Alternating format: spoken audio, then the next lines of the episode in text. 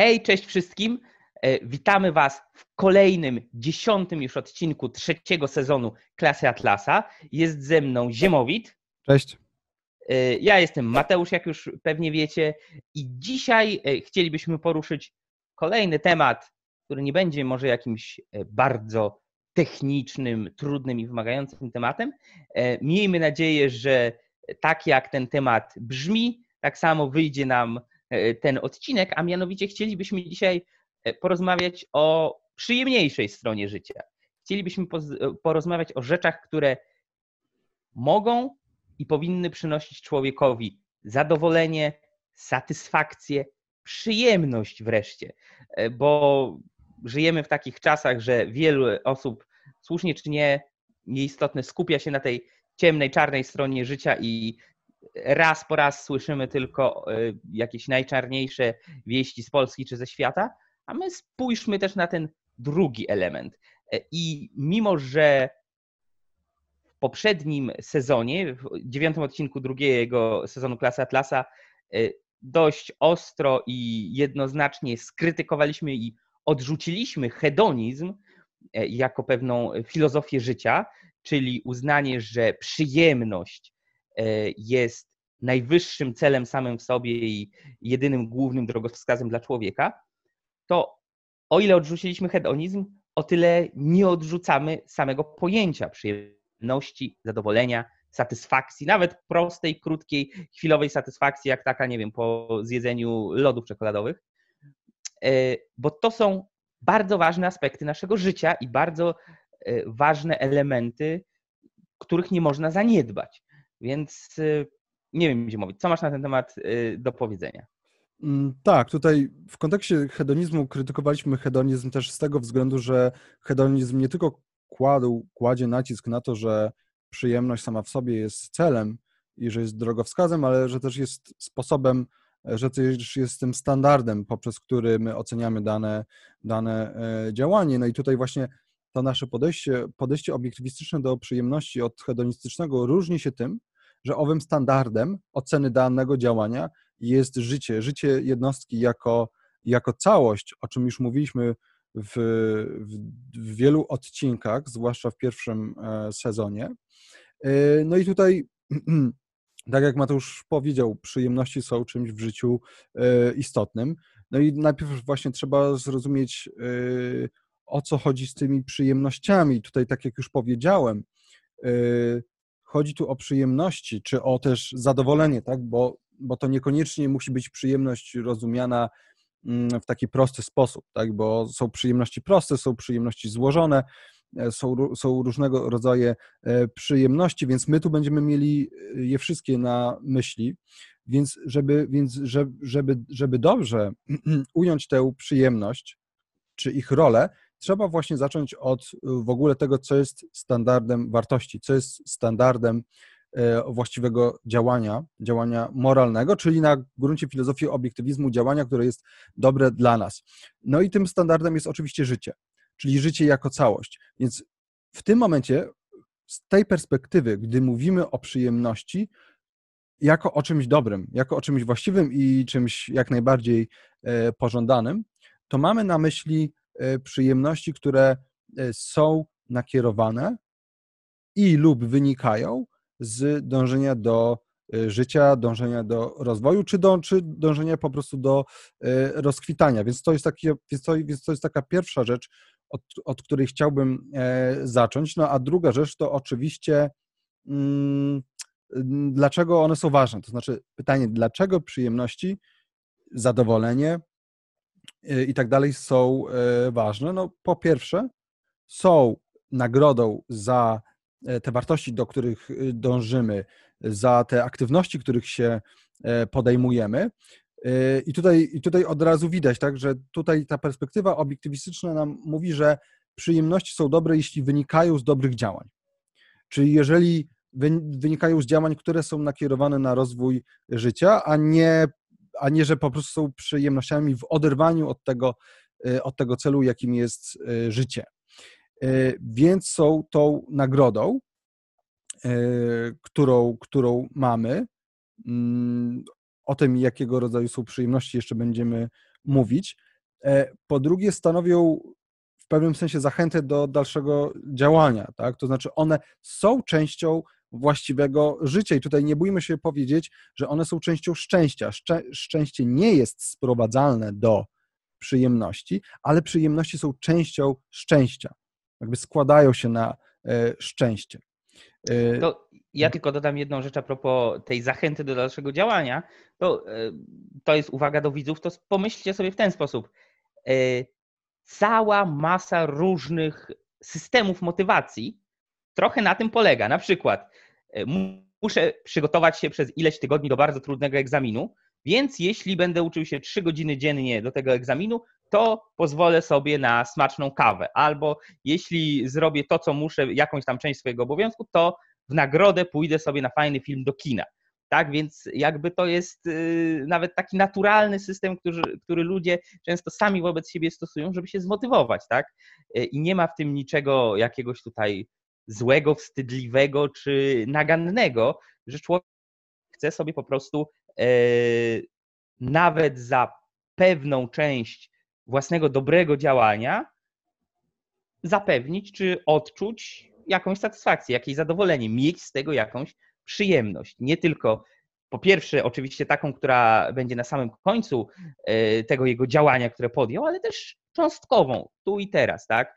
Jak Howard Rourke e, zajmował się projektowaniem e, swoich wymarzonych budynków wedle swojego racjonalnego zamysłu, to czuł satysfakcję, kiedy budynek już stanął i mógł go zobaczyć i go widział, ale w trakcie także pozwalał sobie na nie tylko ciężką pracę, lecz także na chwilę przerwy i odpoczynek, czy to z Dominik, czy to z Majkiem, yy, czy to ze Stevenem Malorym, tak, chodzili, śmiali się, byli na piwie i tak dalej, i tak dalej, i tak dalej. I myślę, że to jest yy, całkiem zasadny sposób, żeby o tym myśleć. Życie, w tym szczęście nie, ani nie może, ani nie powinno składać się z zaciskania zębów w ciężkiej pracy, żeby dopiero gdzieś tam na samym końcu zobaczyć jakiś efekt. Nie. Całość jest ważna, tak? To będzie taki straszny banał i truizm, ale cel jest ważny i sama droga też jest ważna. Tak, no bo to już mówiliśmy w odcinku o szczęściu, że szczęście jest swego rodzaju drogą. No dobra, no to już powiedzieliśmy, że przyjemności są nagrodą, że przyjemności są motywacją. Y, trzecią cechą przyjemności, to znaczy trzecią kwestią, ze względu na którą możemy powiedzieć, że przyjemności są, e, czy zadowolenie, że są ważne, jest to, że one są swego rodzaju dowodem e, na to, że my sobie radzimy z życiem. To znaczy, jeżeli, przy, jeżeli przyjemności te dobrze rozumiane, czyli z tej perspektywy, że przyjemności są wynikiem naszego działania, naszych sukcesów, no to wtedy automatycznie odczuwamy przyjemność jako dowód na to, że sobie z życiem e, radzimy, że mamy kontrolę nad, nad e, sobą, nad swoimi, nad swoimi e, działaniami, że mamy kontrolę nad tym, w jakim kierunku zmierzamy. No i, i to się wiąże z czwartą rzeczą, o której chciałbym powiedzieć w kontekście tego, dlaczego przyjemności są ważne, a mianowicie to, że pośrednio przyjemności i zadowolenie mają wpływ na nasze poczucie własnej wartości, Dlaczego? No właśnie dlatego, że mamy to poczucie spra sp sprawstwa y, przez, y, no, przez zdobywanie tych y, przyjemności, to znaczy przez zdobywanie wartości, które dają nam przyjemności. Jeśli mogę, ja tutaj Oczywiście. Dwa, dwie uwagi tylko. E, pierwsza rzecz, z tego co powiedziałeś, z czym ja się oczywiście zgadzam, e, wprost wynika, że nie wszystkie przyjemności są tak samo dobre istnieje coś takiego jak złe przyjemności, albo przynajmniej przyjemności nieodpowiednie w danym miejscu, czasie i kontekście naszego życia. E, I to są wszystkie te przyjemności, które e, nie wynikają z żadnego sprawstwa w naszym życiu, nie wynikają z tego, że my coś osiągnęliśmy i e, w pewnym sensie zasłużyliśmy naszym życiem i działaniem na to, żeby w tym momencie czuć się dobrze i odczuwać tę przyjemność, tylko e, wszystkie przyjemności, które wiążą się z najczęściej destrukcyjną drogą na skróty, tak? E, oczywiście tutaj takim klasycznym, sztandarowym przykładem zazwyczaj są jakieś ciężkie narkotyki, tak? No ktoś chce sobie być na haju, mieć flow, da sobie w żyłę, my trochę za często ten, ja przynajmniej za często ten yy, przykład używam w, tej, w serii klasa Atlasa mniejsza. Dać sobie w żyłę taki, ojej, jest dobrze, odpływa.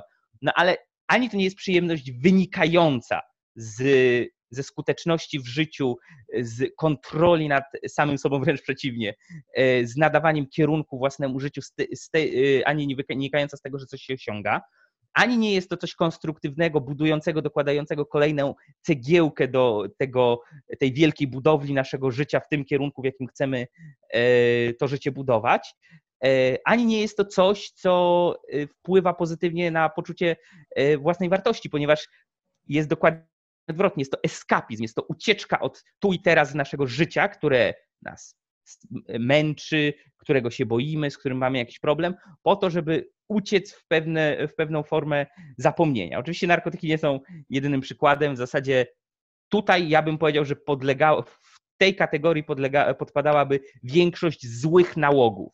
Tak? Na, tym, na tym polega nauk. Jeśli ktoś jest nałogowcem, czyli oddaje się czemuś, co daje mu chwilową satysfakcję, przyjemność w danym momencie, a co jest szkodliwe dla jego życia, to wynika to właśnie z tego, że jest to eskapizm i jest to chwilowy zastrzyk dopaminy, tak?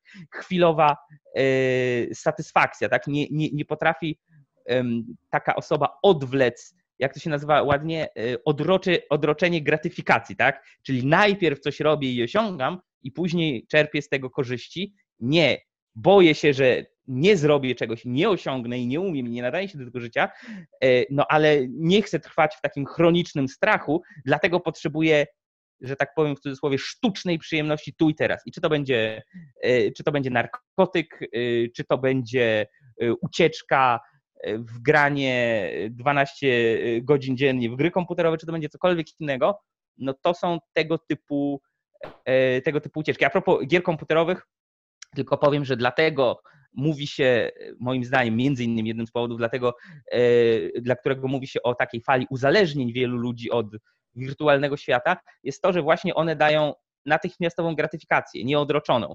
Jeśli w prawdziwym życiu człowiek chce postawić dom, no to musi zarobić pieniądze albo wziąć kredyt, e, postawić fundamenty, nadzorować tych budowlańców albo samemu stawiać i tak dalej. I to trwa, jest to wymagający proces. Jeśli człowiek chce zbudować dom w jakichś Simsach, robi trzy kreski e, myszką i ten dom ma, tak? E, więc jest to jakby natychmiastowa gratyfikacja.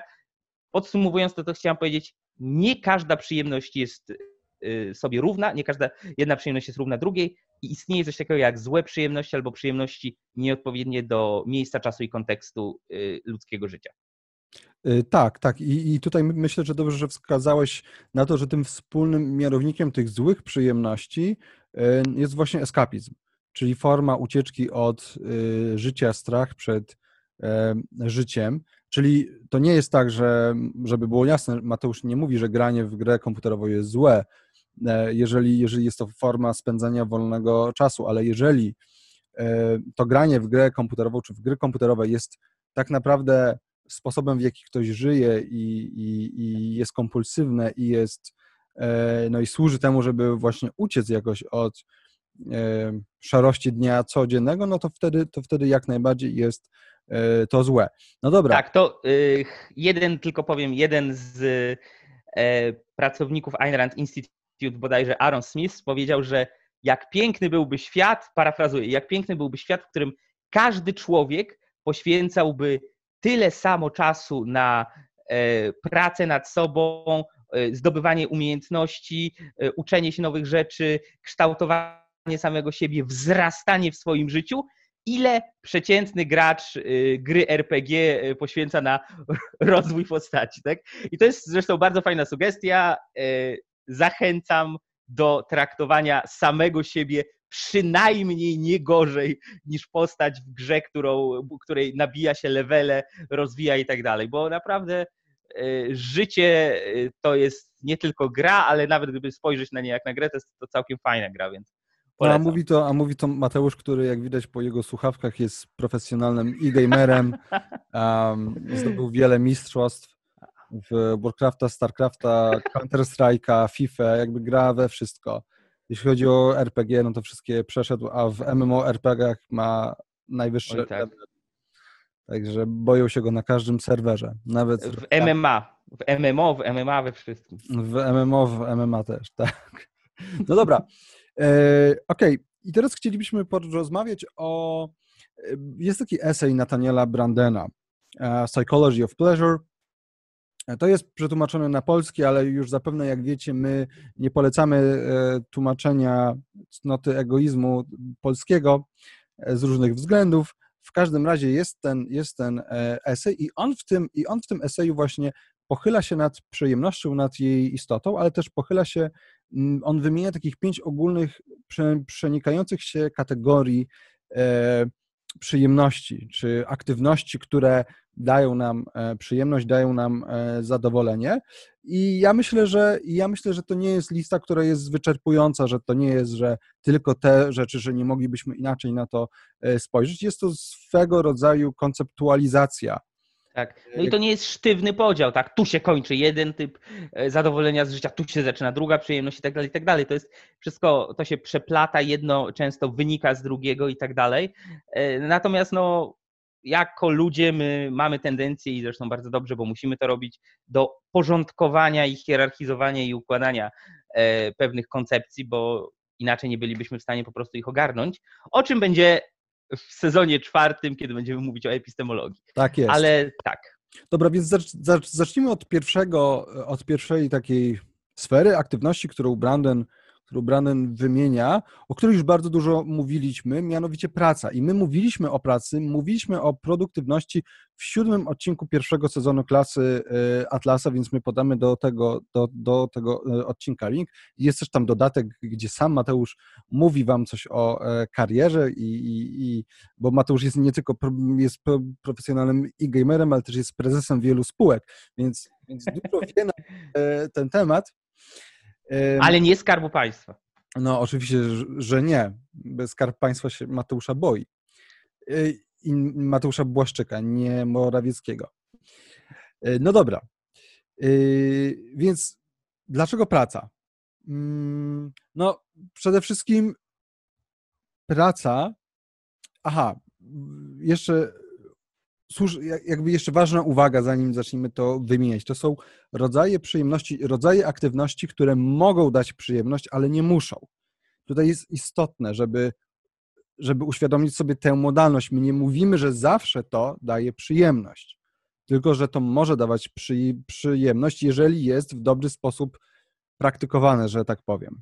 Co więcej, y, próba dążenia do tychże elementów bez y, konkretnego, racjonalnego namysłu, bez wplecenia tego w nasz y, główny cel, którym się kierujemy i ułożenia tego w naszej hierarchii wartości, może wieść do skutków dokładnie odwrotnych od oczekiwanych.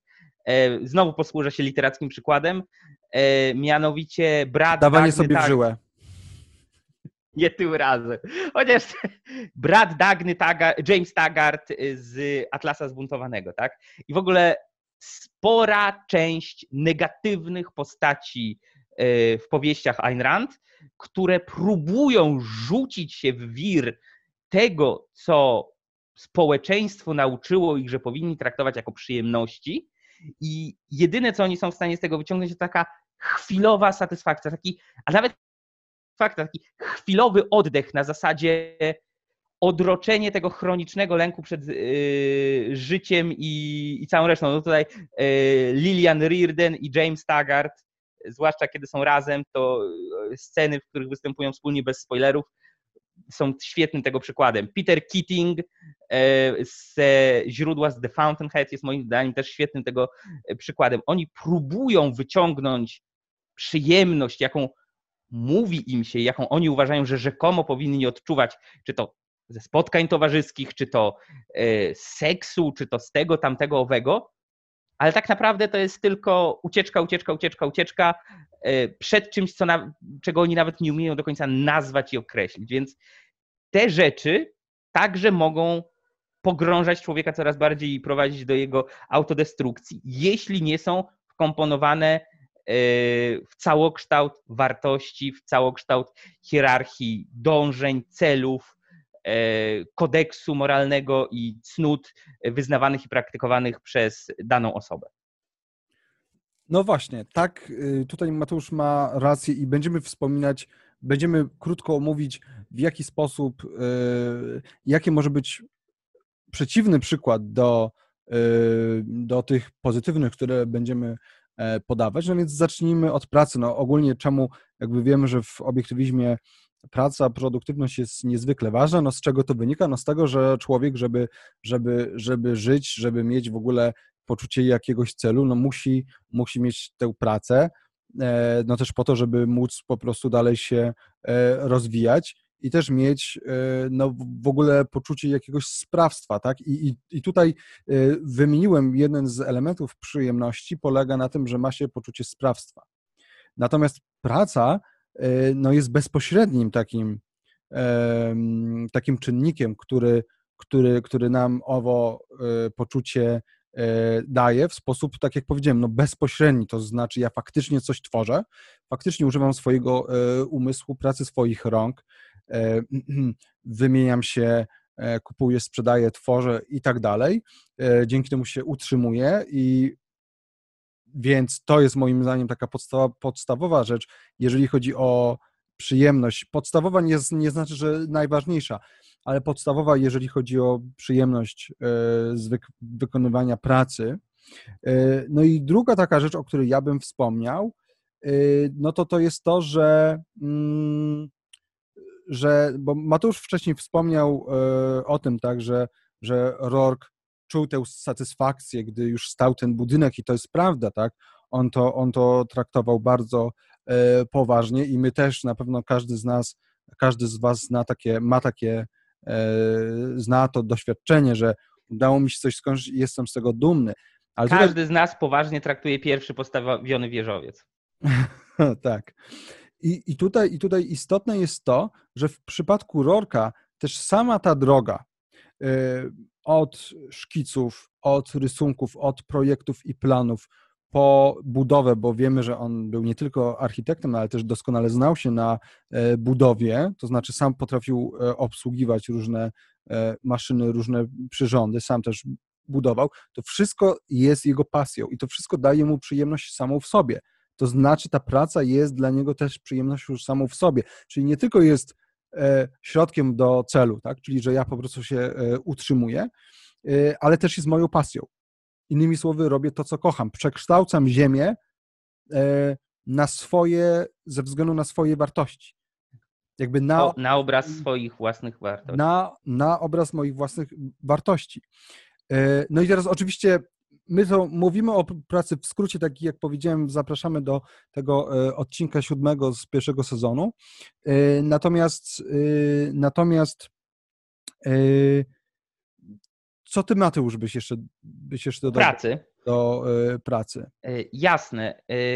Pierwsza rzecz, o której wydaje mi się, że nie wspominaliśmy w odcinku o produktywności, która wiąże się bezpośrednio z pracą, a pośrednio z dzisiejszym tematem, to jest coś, na co zwrócił uwagę, znowu cytuję intelektualistę z Ayn Rand Institute, Greg Salmieri z Ayn Rand Institute, czym bo tak, e, może się zdarzyć, że człowiek wykonuje twórczą, produktywną, e, zasadną, racjonalną działalność, która przez dłuższy czas nie przynosi mu bezpośrednich, wymiernych, materialnych zysków.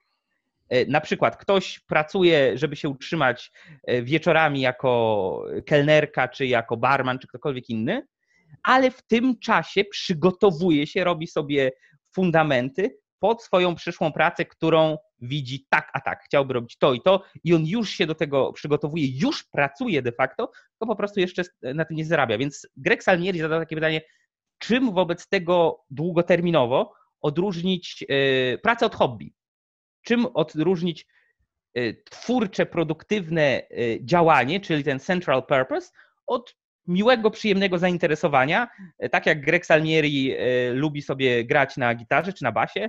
On gra na gitarze, gra na, per, gra na perkusji i śpiewa. Okay. Człowiek orkiestra. E, człowiek orkiestra. Natomiast no nie jest profesjonalnym muzykiem, bo jest to dla niego, to nie jest coś, na czym zarabia chyba.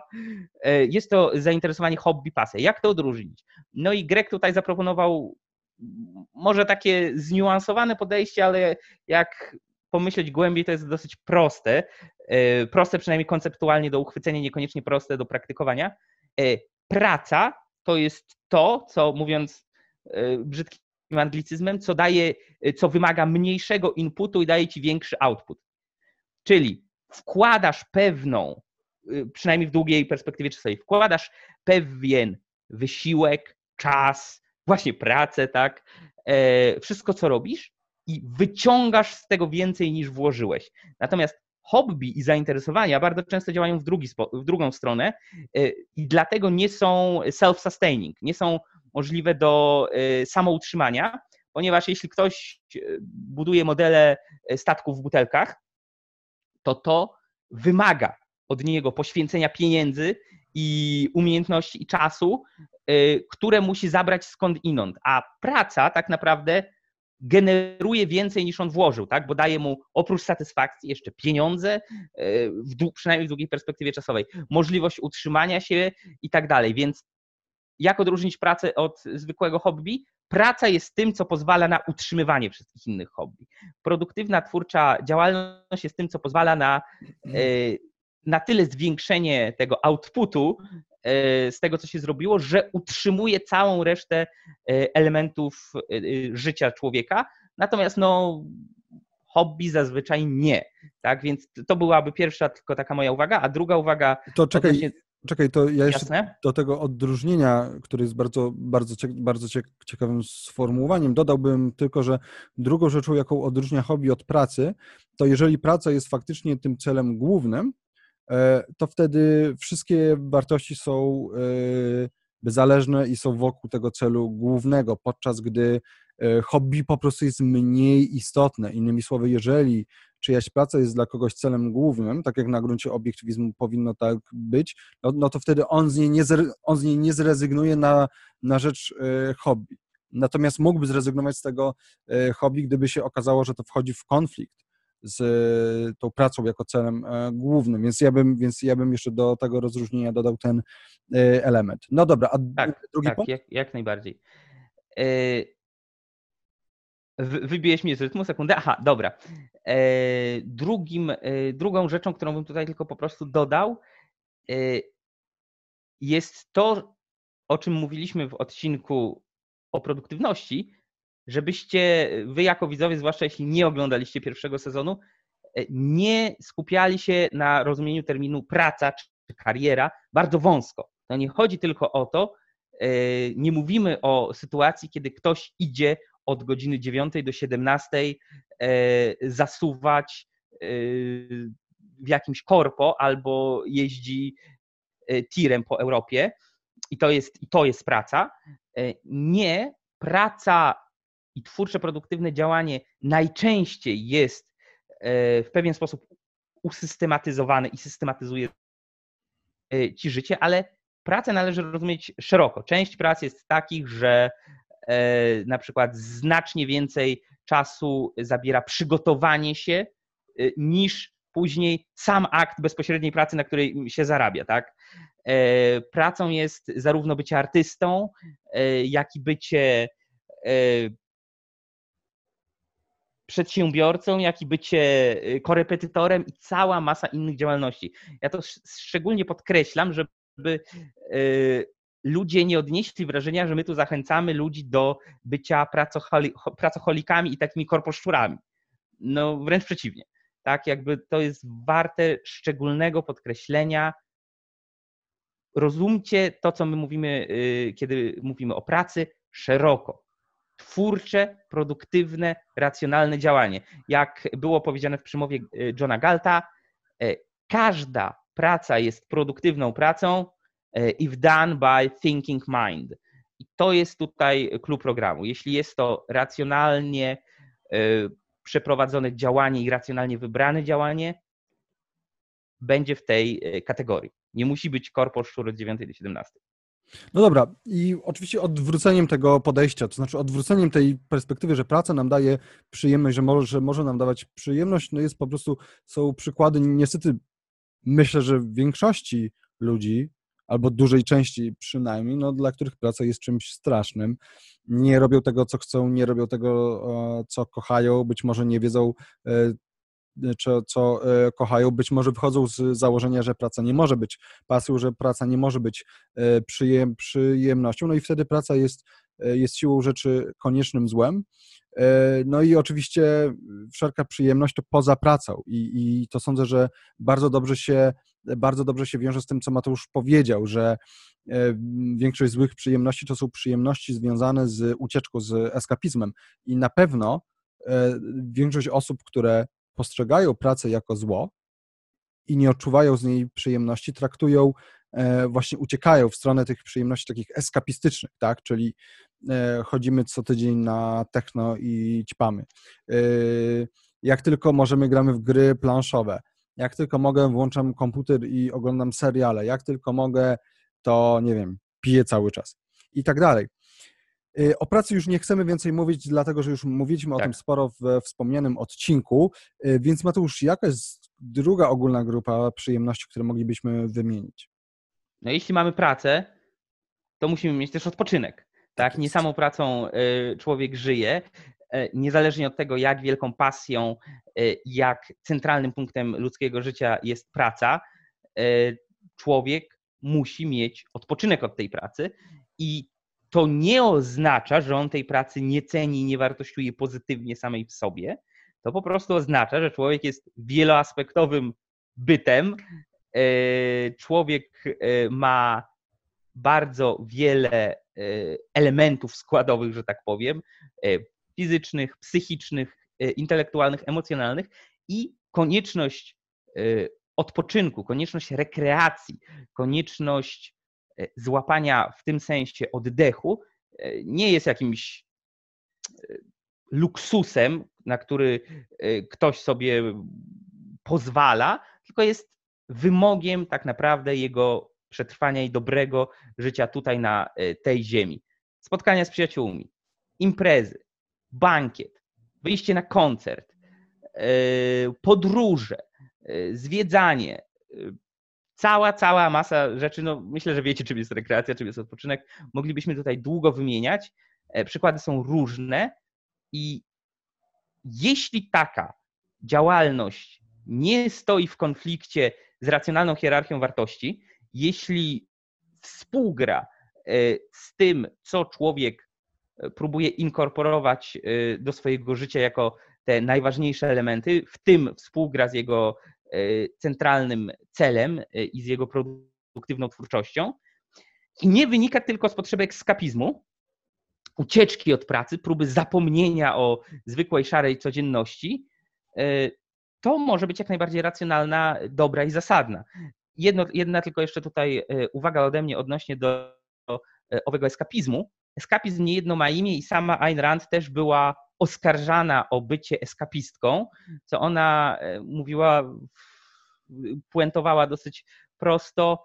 No, jeśli ja jestem eskapistką, ponieważ e, zajmuję się, jak to ktoś tam określił, górnolotnymi jakimiś ideami i tak dalej, zamiast no, bieżączką dnia codziennego cały czas, no to w takim samym e, sensie eskapistą był Arystoteles, Krzysztof Kolumb, e, Thomas Edison i cała masa innych tego typu ludzi, tak? którzy mieli troszeczkę szersze horyzonty i potrafili patrzeć trochę dalej. Więc warto zwrócić uwagę, że eskapizm to nie jest po prostu szeroki horyzont, próba spojrzenia na coś dalej, próba planowania w długiej perspektywie e, czasowej. To nie jest wizjonerstwo, e, wręcz przeciwnie, wręcz dokładnie odwrotnie. Eskapizm to jest tak wielkie skupienie się na tym, co jest złe, bolesne, niedobre e, i problematyczne w bieżączce dnia codziennego, tu i teraz w tym naszym tak zwanym szarym życiu, zwłaszcza w odniesieniu do pracy, ale nie tylko, tak wielkie skupienie się na tym, że człowiek potrzebuje właśnie jakiejś ucieczki od tego coś alternatywnego. Tak? I to nie chodzi o to, że czytanie książki dla przyjemności, żeby e, czerpać e, satysfakcję z fabuły i śledzenia losów bohaterów, to jest eskapizm, bo nie, to jest, o czym będzie mowa, to jest jak najbardziej zasadny element e, satysfakcji czerpanej z życia, ale próba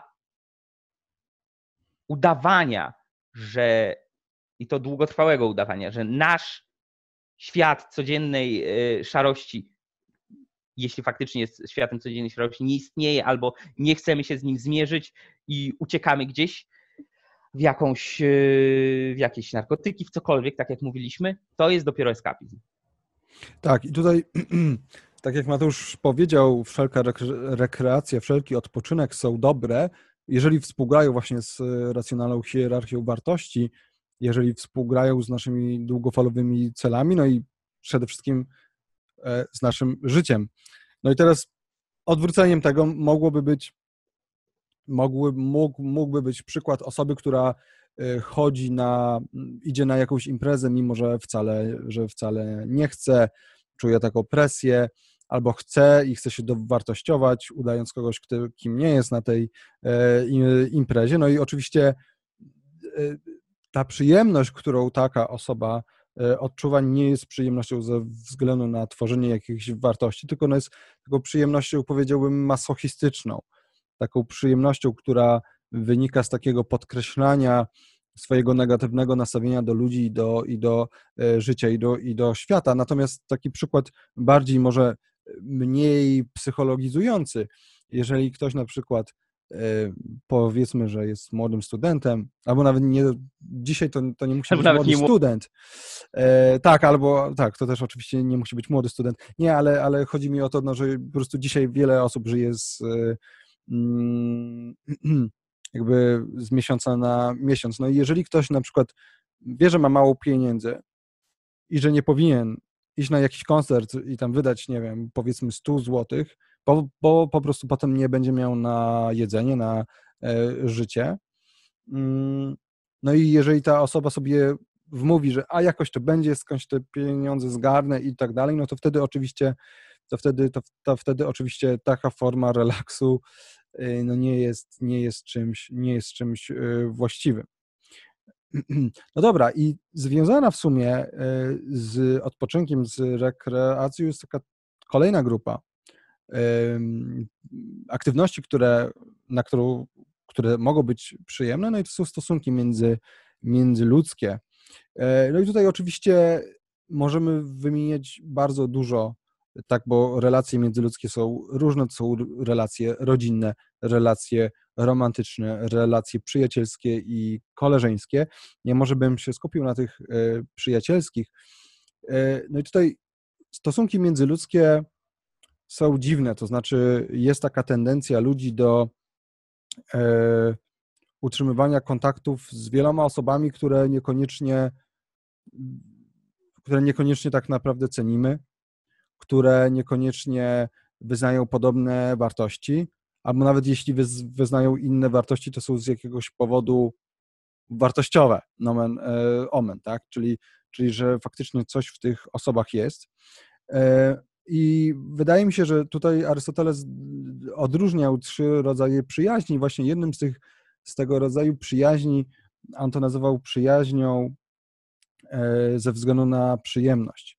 I to by była przyjaźń, znaczy nie, my, my byśmy nie nazwali tego przyjaźnią, no ale powiedzmy, że tak to nazwiemy, to byłaby przyjaźń z osobą, którą, z którą się zadajemy po to, żeby, żeby nie wiem, razem pić, razem sobie tańczyć i nic poza tym.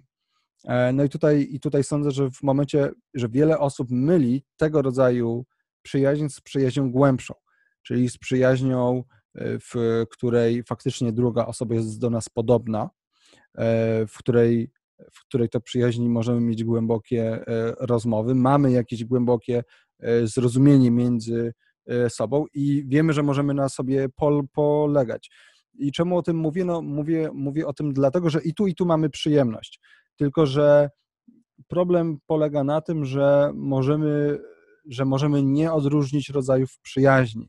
Jeżeli założymy, że na przykład miarą przyjaźni jest e, częstotliwość spotykania się, ale spotykamy się często z kimś, kto nie jest szczególnie e, dla nas istotny, chociaż nam może się tak wydawać i się spotkamy z tą osobą, bo po prostu ciągle, nie wiem, pijemy i wychodzimy do baru i e, tak dalej, no to możemy potem się nieźle zawieść, jak się zorientujemy, że z taką osobą nie ma po prostu o czym porozmawiać, albo że, albo że gdy potrzebujemy jakiejś pomocy, to tej osoby tak naprawdę, tak naprawdę e, nie ma. No i w gruncie rzeczy i w gruncie rzeczy wiele spotkań z tą osobą, czy z tymi, czy z tymi, czy z tymi osobami, to jest po prostu strata czasu z punktu widzenia e, naszej racjonalnej hierarchii e, wartości.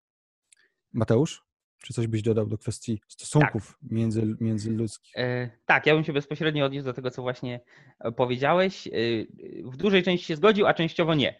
Zaraz powiem dlaczego. Czasami musimy mieć jakąś różnicę zdań myślę, że dobrym takim jednym z mierników tego, e, czy dana znajomość, czy przyjaźń jest wartościowa, jest e, tą głębszą przyjaźnią, albo przynajmniej ma potencję, ma, może stać się tą e, głębszą przyjaźnią opartą na jakichś solidniejszych fundamentach, jest to, że po jakimś czasie, po powiedzmy, nie wiem, miesiącu, dwóch, jakimś czasie znajomości, iluś spotkaniach, iluś, iluś relacjach, my jesteśmy w stanie stwierdzić po zasadnej introspekcji, po zastanowieniu się, czy ten człowiek ciągnie nas w górę, czy w dół. To znaczy, e, czy wnosi jakieś wartości do naszego życia i czy my mamy razem z nim gdzieś jakąś drogę, e, którą możemy wspólnie przebyć. I to nie musi być. To, to nie musi być droga życia, jak w relacji romantycznej. Nie, po prostu e, w najprostszy możliwy sposób jest dwóch pasjonatów jakiejś rzeczy, rzeczy X, pasjonatów historii starożytnej Grecji albo e, pasjonatów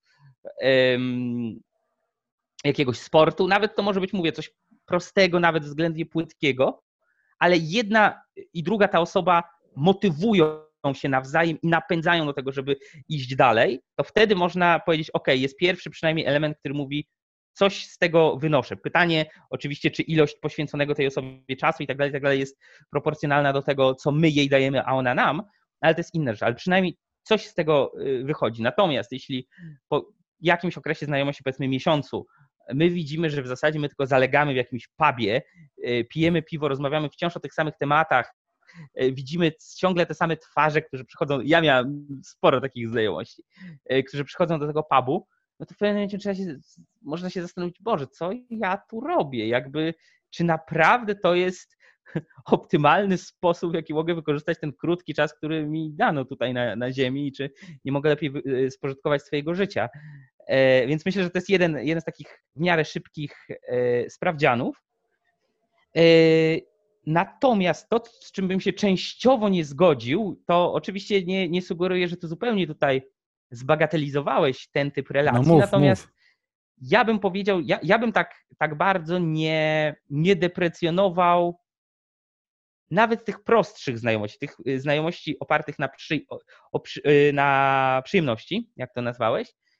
Y, oczywiście, jeśli my próbujemy sami siebie oszukiwać i wmawiać sobie, że to jest coś więcej niż rzeczywiście jest, i że to będzie jakiś wielki, wspaniały przyjaciel na całe życie, na którym my możemy polegać i tak dalej, a tak naprawdę my po prostu wspólnie chodzimy na kurs tańca albo y, haratamy w gałę y, co sobotę, albo cokolwiek innego, no to tak, to, to jest no, głupie, bo po prostu oszukujemy samych siebie.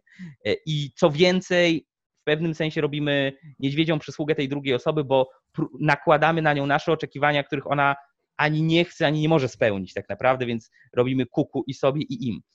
Ale jeśli my wiemy, co to jest za znajomość, wiemy, że tą osobę to ja znam w takim i takim kontekście, bo jesteśmy razem w klubie miłośników kotów albo cokolwiek innego, zbieramy y, monety rzymskie, to to może być moim zdaniem jak najbardziej wartościowa relacja. Ja bym takich płytszych znajomości, czy po prostu kolegowanie się jakoś tu nie, strasznie nie deprecjonował, jeśli tylko wiemy, gdzie one są w hierarchii że są rzeczy od nich znacznie ważniejsze, jak nasi prawdziwi przyjaciele, jak nasza rodzina i tak dalej, i tak dalej, jak ludzie, którzy naprawdę się dla nas liczą. E, więc ja na przykład mam dużo takich znajomości, które są znajomościami powiedzmy jednotorowymi. Znam jakąś osobę z konkretnego, y, z konkretnej sytuacji, w konkretnym kontekście, nie wiem, współpracujemy w ramach jakiejś organizacji I tyle. Ja nic więcej w zasadzie o tej osobie nie wiem. E, albo, albo niewiele. E, czy właśnie mamy jakieś wspólne zainteresowanie i na jego gruncie gdzieś tam się widujemy i tak dalej. Nie uważam, że by było w tym cokolwiek złego, tak długo jak nie będę sam sobie wkręcał, no tak, to, to, to jest mój najlepszy przyjaciel od serca, albo nie wiem, albo ta dziewczyna na mnie leci, bo razem zbieramy znaczki. No, cokolwiek. Nie zbieram znaczków, ale jako przykład.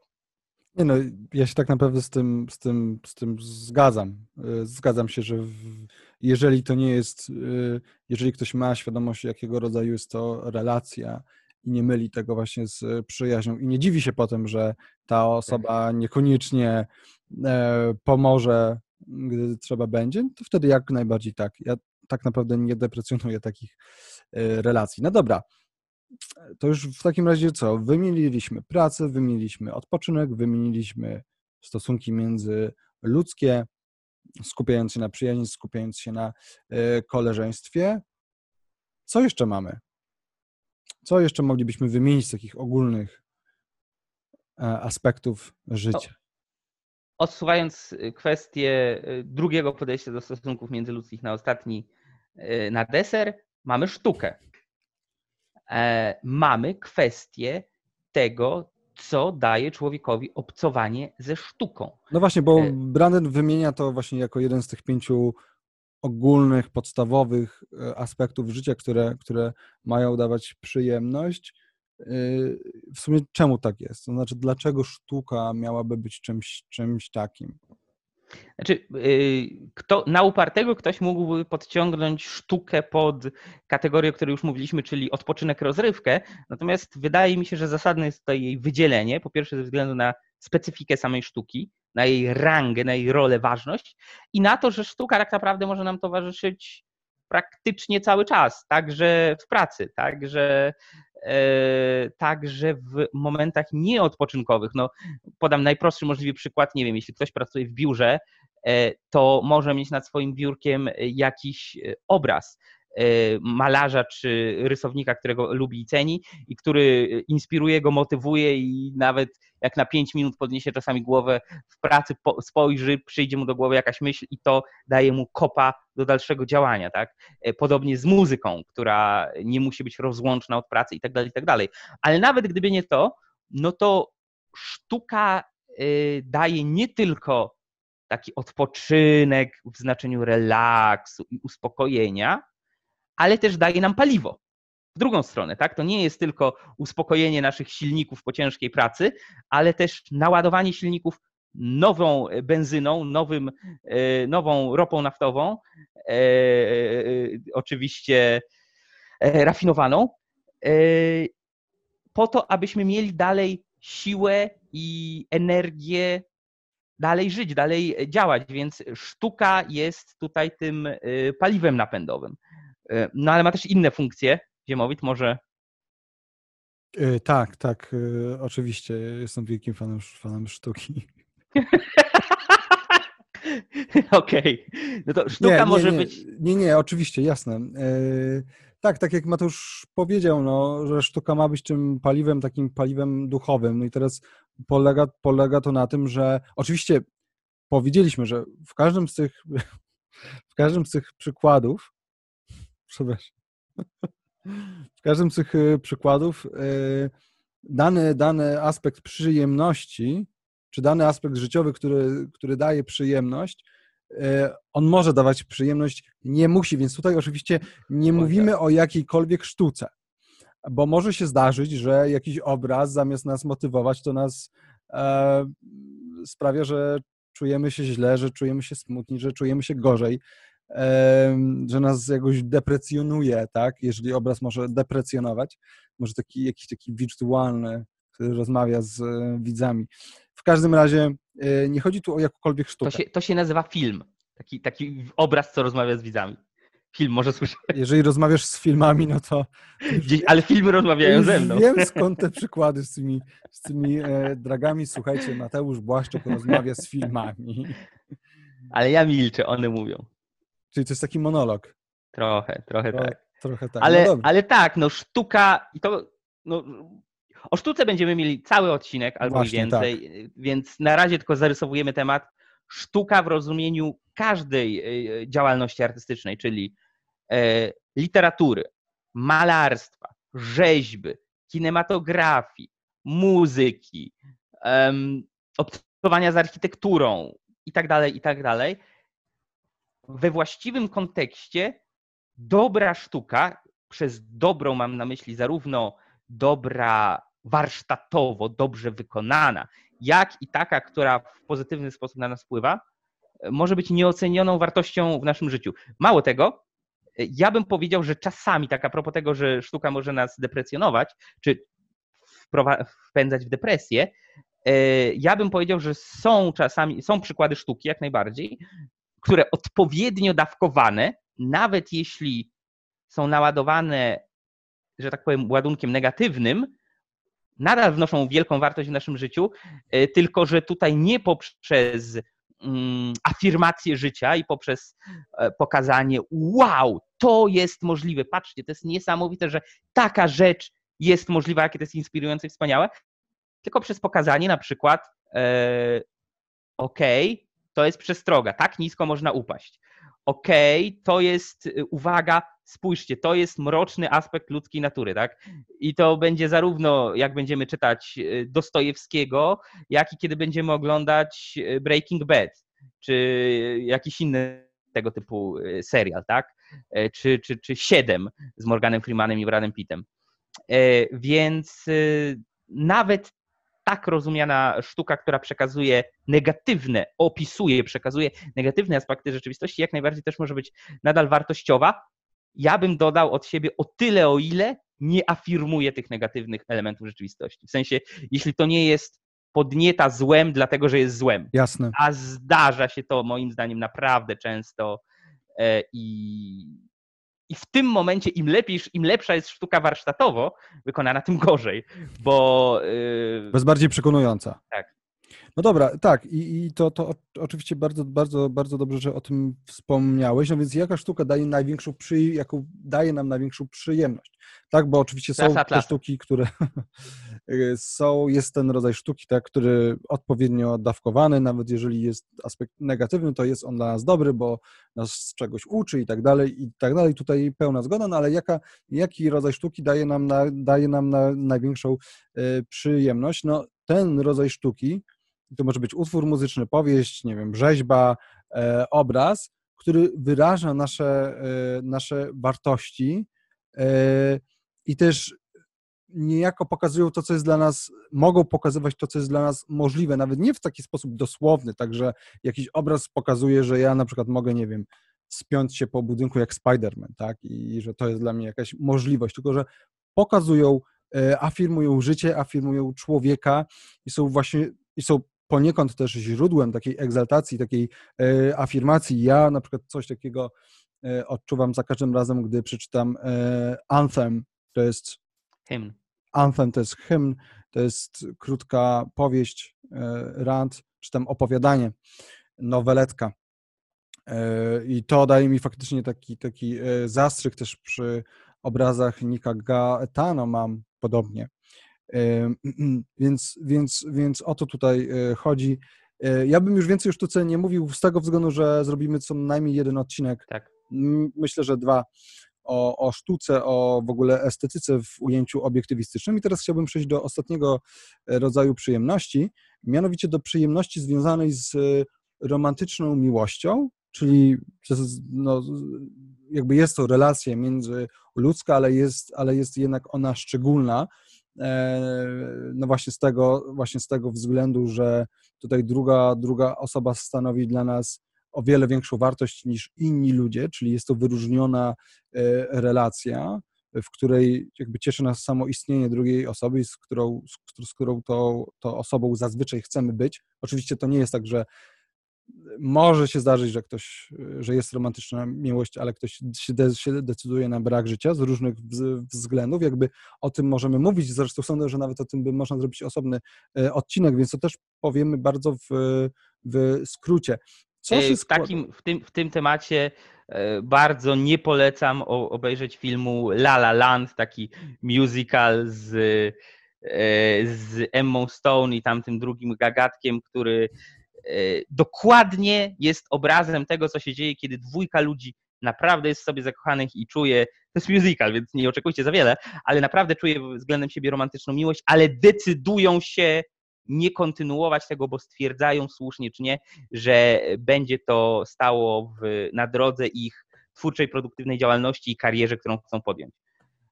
Moim zdaniem przesłanie filmu jest straszne, ale, ale jak coś to jako ciekawostka. Okej, okay, no właśnie. No i teraz co składa się, no bo mówimy o romantycznej relacji z punktu widzenia przyjemności, więc, więc zacznijmy od takich dwóch rzeczy, jakie składają się na, e, się na romantyczną miłość, taką racjonalną. Pierwszym takim elementem jest, e, jest duma, duma z samego siebie, duma ze swoich wartości, duma, duma ze swojego e, charakteru. Tak, ja cenię siebie i dzięki temu tak naprawdę mogę cenić w ogóle drugą, drugą e, osobę, no bo osoba, która siebie e, nie tak. ceni, tak, nie ceni życia, nie ceni, nie ceni świata, tak naprawdę nie, nie może kogoś drugiego cenić, a już nie mówiąc o e, miłości. Więc z jednej strony mamy, mamy, mamy dumę.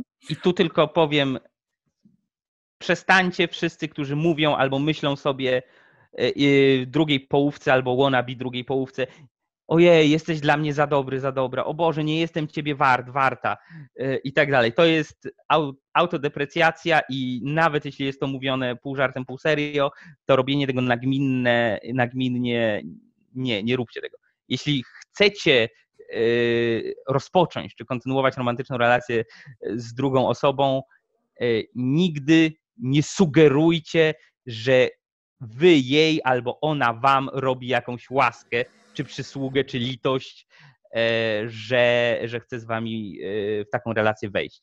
I wy też nie róbcie jej litości. Tak. No dobra, więc pierwszym, więc pierwszym aspektem przyjemności jest duma, a drugim, drugim, drugim aspektem e, przyjemności jest, no jest podziw. Jest podziw dla tej, dla tej drugiej osoby ze względu na jej charakter, ze względu na jej wartości, ze względu na to, jaka ona jest tak, tak jak Mateusz jest wspaniały, my go podziwiamy, e, kochamy, niekoniecznie romantycznie, ale, ale jednak mm, jest wzorem do naśladowania dla wszystkich młodych e, obiektywistów. E, no więc w tej relacji romantycznej mamy, mamy do czynienia z dumą z jednej strony, po naszej stronie, a z drugiej strony z podziwem dla tej drugiej osoby. No i teraz y, tutaj oczywiście bardzo, bardzo istotnym elementem w relacji romantycznej, to, to jest coś, co ją w ogóle też y, wyróżnia, to jest aspekt y, seksualności, tak, czyli, czyli, no, czyli po prostu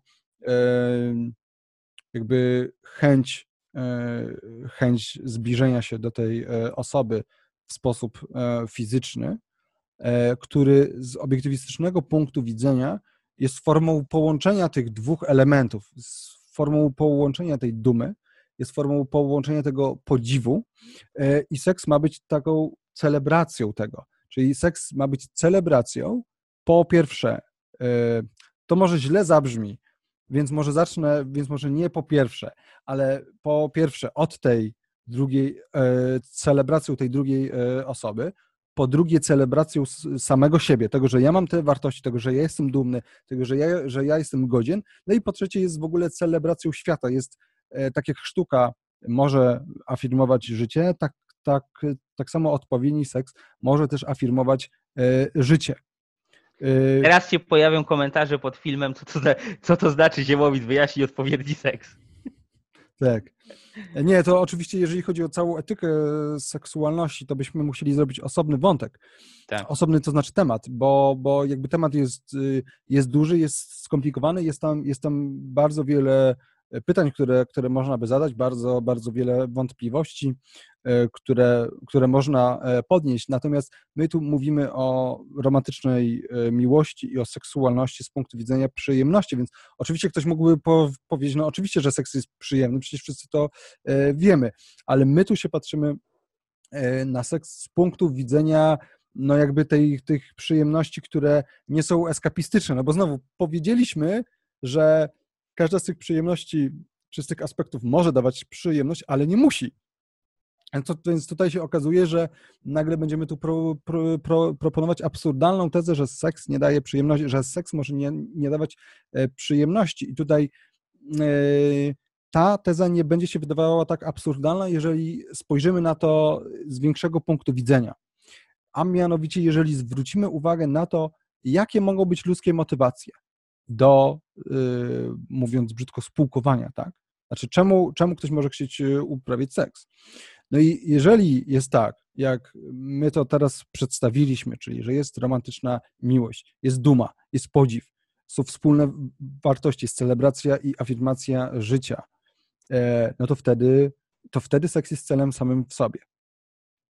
Tak, on, on nie ma żadnego dalszego, żadnego dalszego celu. No oczywiście chyba, że ktoś przy okazji chciałby mieć e, dzieci, no to można tak na to, tak na to spojrzeć. E, ale poza tym seks jest celem samym w sobie Y, i jest celem jak najbardziej dobrym. Natomiast co w przypadku osoby, której motywacją nie jest miłość, nie jest duma, nie jest podziw nawet dla tej drugiej e, osoby, a już na pewno nie afirmacja e, życia, tylko próba dowartościowania się. Próba pokazania, że ja jestem męski, próba pokazania, że ja jestem e, kobieca, próba pokazania, że jestem dla kogoś ważny, bo uprawia ze mną seks. W takim wypadku traktujemy E, traktujemy seks nie jako celebrację i nie jako wynik zdobywania wartości, tylko myślimy, że seks jest e, swego, właśnie, że seks nie jest celem samym w sobie, tylko że jest drogą do tych wartości, jest tak. drogą do poczucia własnej e, wartości, drogą do, do samozadowolenia, podczas gdy stoimy na, my, na stan, my na stanowisku, że on ma być wynikiem tego i ma być tego celebracją. Więc, tak, y, no jest to jakby odwrócenie, odwrócenie hierarchii, bo tutaj e, mówimy o przypadku osoby, która w ten sposób próbuje e, zyskać coś, czego bez tego aktu seksualnego by nie miała, tak? E, na przykład wyobraża sobie, że podbuduje sobie swoje ego, że będzie pewniejsza czy pewniejszy siebie, tak? I tak dalej, i tak dalej. E, no i oczywiście to też może być jak najbardziej forma eskapizmu całkowitego eskapizmu w taką prostą, dość płytką przyjemność, żeby zapomnieć, żeby, żeby nie myśleć o tym wszystkim, co czeka tam za ścianą sypialni. No właśnie. I tutaj, mhm. I tutaj to jest moim zdaniem istotne, dlaczego my mówimy o seksualności w romantycznej miłości, bo ta romantyczność jest tutaj e, bardzo istotna, ponieważ na, e, w etyce obiektywistycznej miłość faktycznie jest miłością romantyczną. To znaczy, odcina się zarówno od y, wizji relacji damsko-męskich, czy relacji w ogóle partnerskich, jako jakiegoś, który, y, że głównym ich celem jest po prostu jakiś kontrakt, ok, ja biorę ciebie za męża, ty y, bierzesz mnie za żonę, no bo tak to bylibyśmy sami i byłoby smutno, ja ci będę gotować, ty będziesz na mnie pracować, czy cokolwiek takiego. Odcina się, to jest out. E, odcina się od y, relacji e, damsko-męskich, czy w ogóle partnerskich, jako tylko takiego załatania dziur we własnym życiu, okej, okay, mnie jest źle tu, tu, ja ten, tobie też, no to może jak, jak, jak ja jestem wybrakowanym jabłkiem i ty jesteś wybrakowanym jabłkiem, to razem będziemy całym. No zazwyczaj, nawet nigdy, bym powiedział, tak to nie działa. Jak i odrzuca też e, z drugiej strony e, wizję seksualności czy miłości jako e, no prostego hedonizmu, prostego takiego no właśnie, tutaj mamy, tak? mamy tutaj ciekawy cytat z Ran, nie wiem, czy chciałbyś go przeczytać mam imitować, ale nie umiem imitować głosu Rand, więc przeczytam swoim. Seks to jeden z najważniejszych aspektów ludzkiego życia i dlatego nigdy nie można do niego podchodzić luźno i swobodnie. Relacja seksualna jest właściwa tylko na gruncie najwyższych wartości, jakie można dostrzec w człowieku. Seks nie może być niczym innym niż odpowiedzią na wartości. I właśnie dlatego uważam, że rozwiązłość seksualna jest niemoralna. Nie dlatego, że seks jest czymś złym, tylko dlatego, że seks jest czymś zbyt dobrym i zbyt ważnym. I to jest fragment wypowiedzi Ayn Rand, z wywiadu dla czasopisma Playboy z 1964 roku. Czyli kupujesz sobie Playboya, chcesz obejrzeć nagie kobiety, a tam wywiad z Rand. No, Playboy, zwłaszcza przynajmniej ten stary Playboy, miał, miał trochę dobrych, e, dobrej publicystyki. I Rand kilkukrotnie tam. Mateusz Błaszczyk, znawca Playboya. Nie, nie, akurat, akurat nie, e, ale, ale no naprawdę trochę ciekawych tekstów tam kiedyś można było znaleźć. Nawet jak się robi bibliografię e, do, nie wiem, ktoś chce napisać pracę o Ayn Rand, to raczej nie ucieknie od, nie. od umieszczenia Playboya w bibliografii. Nie, nie. To prawda. E, no więc ja sądzę, że ten, że ten cytat z Rand bardzo dobrze podsumowuje to, co już powiedzieliśmy, tak? Czyli, że, że seks ma być celebracją, a nie ucieczką. Seks ma być afirmacją, a nie krokiem do, e, a, nie środkiem, żeby poczuć się e, lepiej. Czyli seks jest tą pełną celebracją, tak, on jest zbyt, zbyt dobry, żeby, żeby służył temu, żebym ja się w jakiś sposób próbował podnieść na duchu chociaż to nigdy nie, nie działa. E, on jest zbyt dobry, on ma być samym samym w sobie właśnie dlatego, że jest e, taką przyjemnością, taką e, radością, mm, że jest takim metafizycznym nawet doznaniem. Jeżeli jest faktycznie tą celebracją, a nie po prostu wykorzystywany instrumentalnie, mm, właśnie w celach eskapistycznych i tak dalej. I to chyba wszystko, o czym chcieliśmy dzisiaj powiedzieć. Myślę, że tak. Y, e, zachęcamy do zastanowienia się, jakie inne aspekty e, ludzkiego, ludzkiej satysfakcji, Właśnie przyjemności, zadowolenia wy byście ujęli. Tak. Czy może jest coś, czego ten y, prosty podział, który tutaj przedstawiliśmy autorstwa Nataniela Brandena nie obejmuje? Coś, co uważacie, że warto by było dorzucić, czy może uważacie, że warto byłoby to podzielić, czy schierarchizować nieco inaczej? to jest akurat otwarty temat. Ciekawi nas y, Wasze zdanie, także śmiało piszcie. No i A my dziękujemy. Się, że tak, że dziękujemy. Do zobaczenia za tydzień. Przyjemnym tym optymistycznym akcentem, przyjemnym jak najbardziej. Ziemowit i ja żegnamy się w przyszłą środę. Trzymajcie się, hej, cześć.